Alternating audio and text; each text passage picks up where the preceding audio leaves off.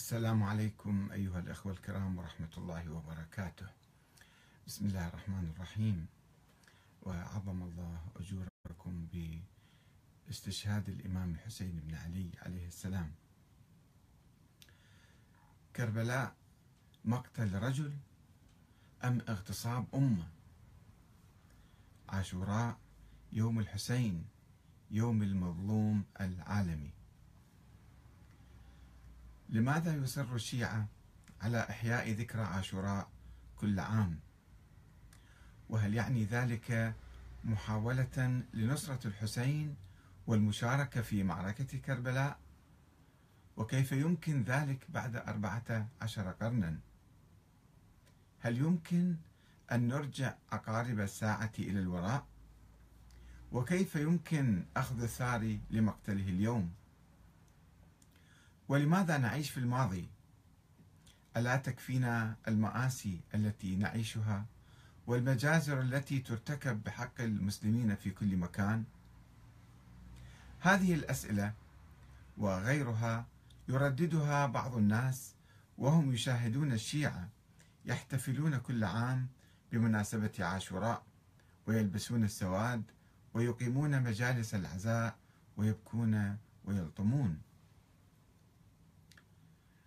وفي الوقت الذي يوجه في يوجه يواجه فيه ذلك البعض الاتهام للشيعة بالعيش في أعماق التاريخ وفي الوقت الذي يوجه فيه ذلك البعض الاتهام للشيعة بالعيش في أعماق التاريخ يحاول أن يتناسى قصة كربلاء بالمرة وأن يهرب من معانيها المؤلمة معتبرا إياها حدثا عابرا لا علاقة له بالحاضر وقد يتهم الشيعة بالطائفية بسبب إصرارهم على إحياء ذكرى عاشوراء كل عام.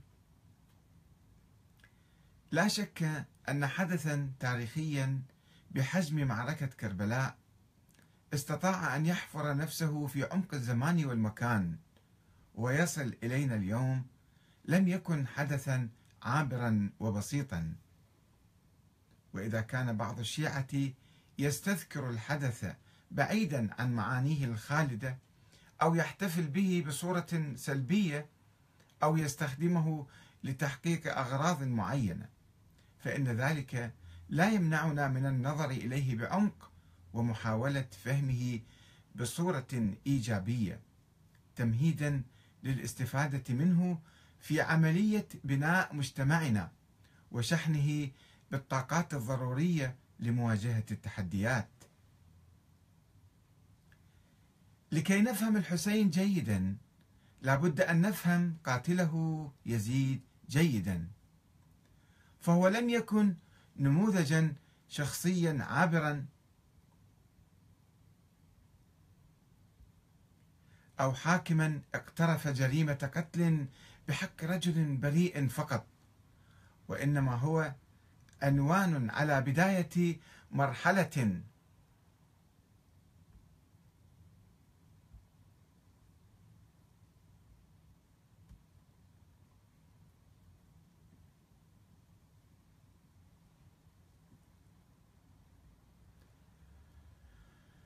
لا شك أن حدثا تاريخيا بحجم معركة كربلاء. آه، لكي نفهم الحسين جيدا لابد أن نفهم قاتله يزيد جيدا فهو لم يكن نموذجا شخصيا عابرا أو حاكما اقترف جريمة قتل بحق رجل بريء فقط وإنما هو عنوان على بداية مرحلة تحول نحو الأسفل أصاب الأمة الإسلامية. ومثال على عملية اغتصاب السلطة والحكم بالقوة والحديد وتزوير إرادة الأمة. ومصادرة حريتها بالكامل وتحويلها إلى أمة من العبيد واسترقاقها سياسيا. وقد تجلى ذلك بصراحة في صيغة البيعه التي أجبر خلالها جيش يزيد بن معاوية أهالي المدينة المنورة من الصحابة والتابعين بعد واقعة الحرة على الإقرار على أنفسهم بأنهم خول وعبيد ليزيد ابن معاوية. إن شاء أعتق وإن شاء استرق. ظهر نموذج يزيد بن معاوية في التاريخ في وقت كانت الأمة الإسلامية تعاني من أزمة تفكك فقدت فيها فاعليتها وقدرتها على التحرك بصورة مجتمعة. وإن لم تفقد روح المقاومة لعملية استعبادها ومصادرة حريتها السياسية. وفي وقت انتشرت فيه ثقافة التخدير والاستسلام واعتبار كل حركة خروجا مذموما وفتنة مكروهة. وبينما كانت الأمة الإسلامية التي حررها الله تعالى تحمل رسالة الإسلام والحرية إلى العالم وترفع هذه الآية يضع عنهم إصرهم والأغلال التي كانت عليهم شعارا لها. ترفع هذه الآية شعارا لها كان البعض يحاول استعبادها بالقوة والإغراء والثقافة المنحرفة. وفي الوقت الذي كان ينتظر أن تتطور الأمة الإسلامية أو أن تطور الأمة الإسلامية نظام الشورى وتسد بعض الثغرات التي سمحت بحدوث الفتنة الكبرى بعد مقتل بعد مقتل الخليفة عثمان بن عفان واحتراب المسلمين في البصرة وصفين اتجه آل أبي سفيان الذين سيطروا على الخلافة بالقوة إلى إلغاء نظام الشورى وتكريس نظام التوارث واحتكار السلطة في عائلة واحدة. ونصب معاوية بن أبي سفيان ابنه يزيد خليفة على المسلمين خلافا لاتفاقية الصلح التي أبرمها مع الإمام الحسن بن علي الذي تنازل له عن الخلافة على شرط أن تعود بعد موته شورى بين المسلمين. ومن هنا كان تعيين يزيد بالقوة والوراثة خليفة على المسلمين طعنة كبرى للأمة الإسلامية وعلامة انهيار وبداية مسيرة انحدارية وبابا للفتنة لم تتوقف. حيث تحول التاريخ الإسلامي إلى سلسلة طويلة من الحكام الذين يستولون على السلطة بالقوة فيورثونها لأبنائهم وأحفادهم ولا يتنازلون عنها إلا تحت ضغط ثورات شعبية أو انقلابات عسكرية أو حركات تمرد مسلحة. تراق فيها أنهار من الدماء والدموع وتستنزف فيها طاقات الأمة وخيراتها وثرواتها وتنتهك فيها أعراضها وقيمها ومقدساتها. أصبحت الأمة الإسلامية بين أمرين إما الاستسلام والخنوع والخضوع والقبول بتكميم الأفواه والعبودية للظلمة والطواغيت وإما التمرد والثورة والخروج. ولم تعثر على طريق ثالث يتم فيه تبادل السلطة بشكل سلمي وحر وتحترم فيه الحقوق والكرامات والحريات العامة. وإن الواقع العربي والإسلامي الذي نعيشه اليوم يشكل أفضل دليل على ذلك الانحراف الذي استمر منذ ذلك الحين. ولقد كان هذا الانحراف الذي أصاب الأمة الإسلامية سببا في انحطاطها وتأخرها وتمزقها وتناحرها واضطرابها على مدى التاريخ حتى ضاعت كلمتها بين الأمم وأصبحت ذليلة مستعمرة. وهكذا لم يكن الإمام الحسين ثائرا عاديا أو شهيدا مظلوما أو باحثا عن سلطة. فلقد كان علامة مضيئة على الطريق الثالث الذي فقده المسلمون. ورائدا يمثل روح المقاومة الإسلامية والحرية والشورى التي كانت تنبض في قلوب الأحرار. لقد استجاب إلى نداء أهل الكوفة التي كانت يومئذ تمثل حاضرة العالم الإسلامي. أهل الكوفة الذين انتخبوه إماما لهم بعد أن رفضوا بيعة يزيد. وسار الإمام الحسين من الحجاز إلى العراق رغم المخاطر التي كانت تحف بحركته لأنه أراد أن يرفض البدعة السيئة البيع بالقوة والإكراه التي أحدثها معاوية بن أبي سفيان. وأراد أن يحافظ على حرية الأمة وكرامتها وكلمتها المستقلة. وقد أعلن عند خروجه أني لم أخرج أشرا ولا بطرا ولكن خرجت لطلب الإصلاح في أمة جدي. وقال إن يزيد يخيره بين السلة والذلة وهيهات أن يختار الذلة.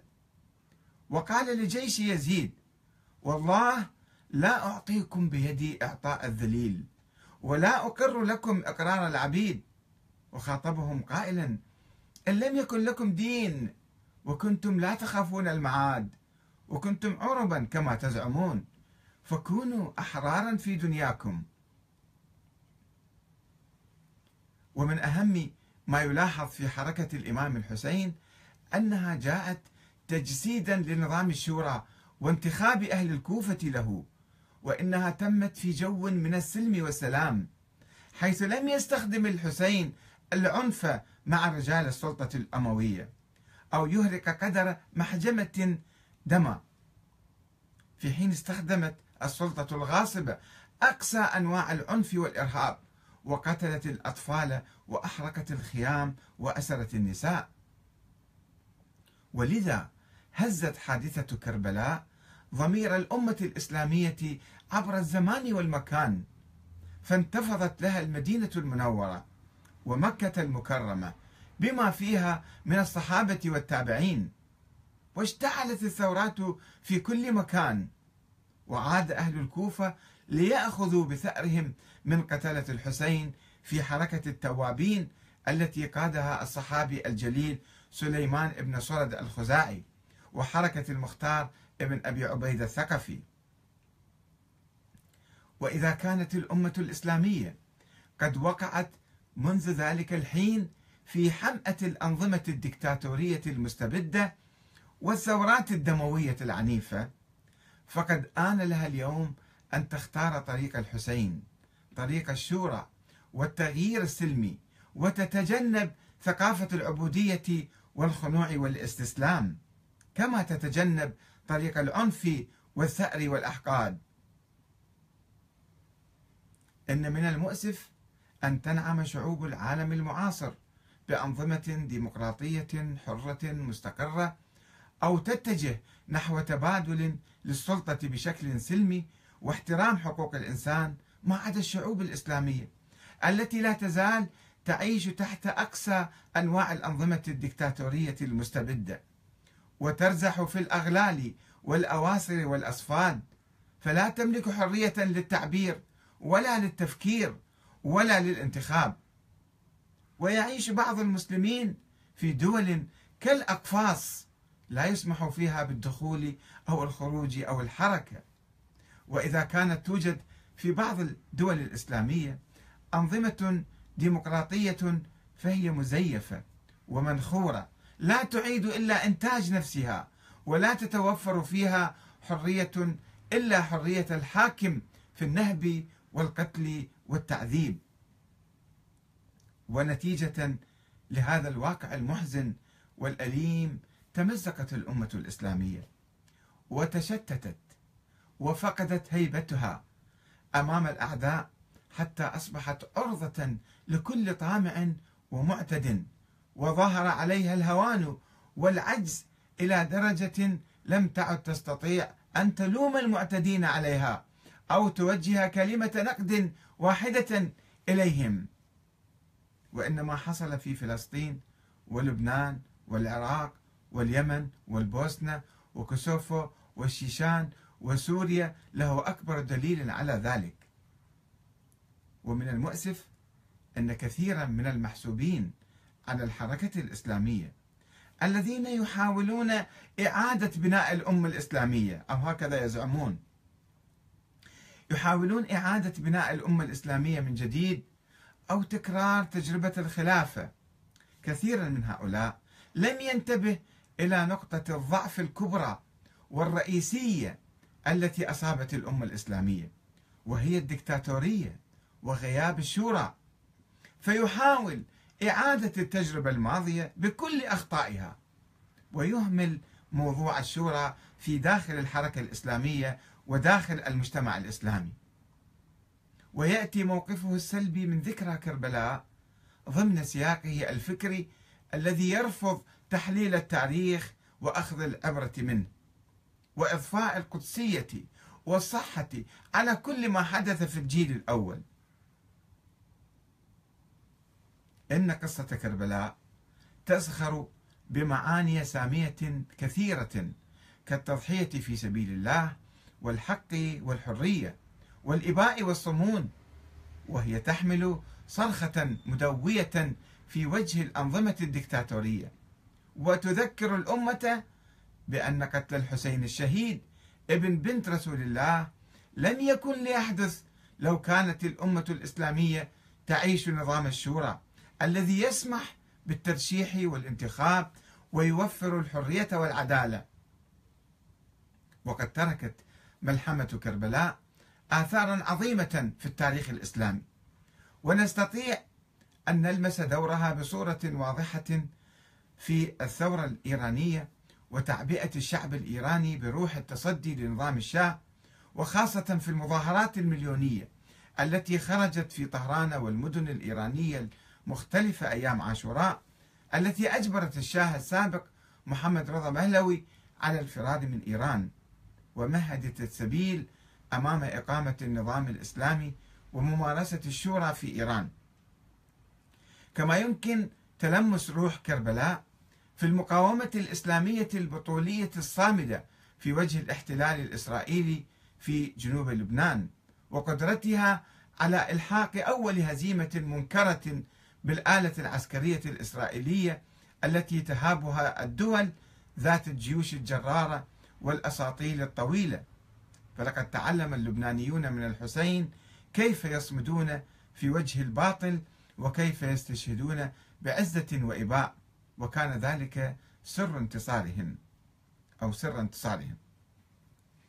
وبالتأكيد هناك ثورات كثيرة استلهمت آه، روح كربلاء وروح الإمام الحسين فقاومت الظلم والظالمين.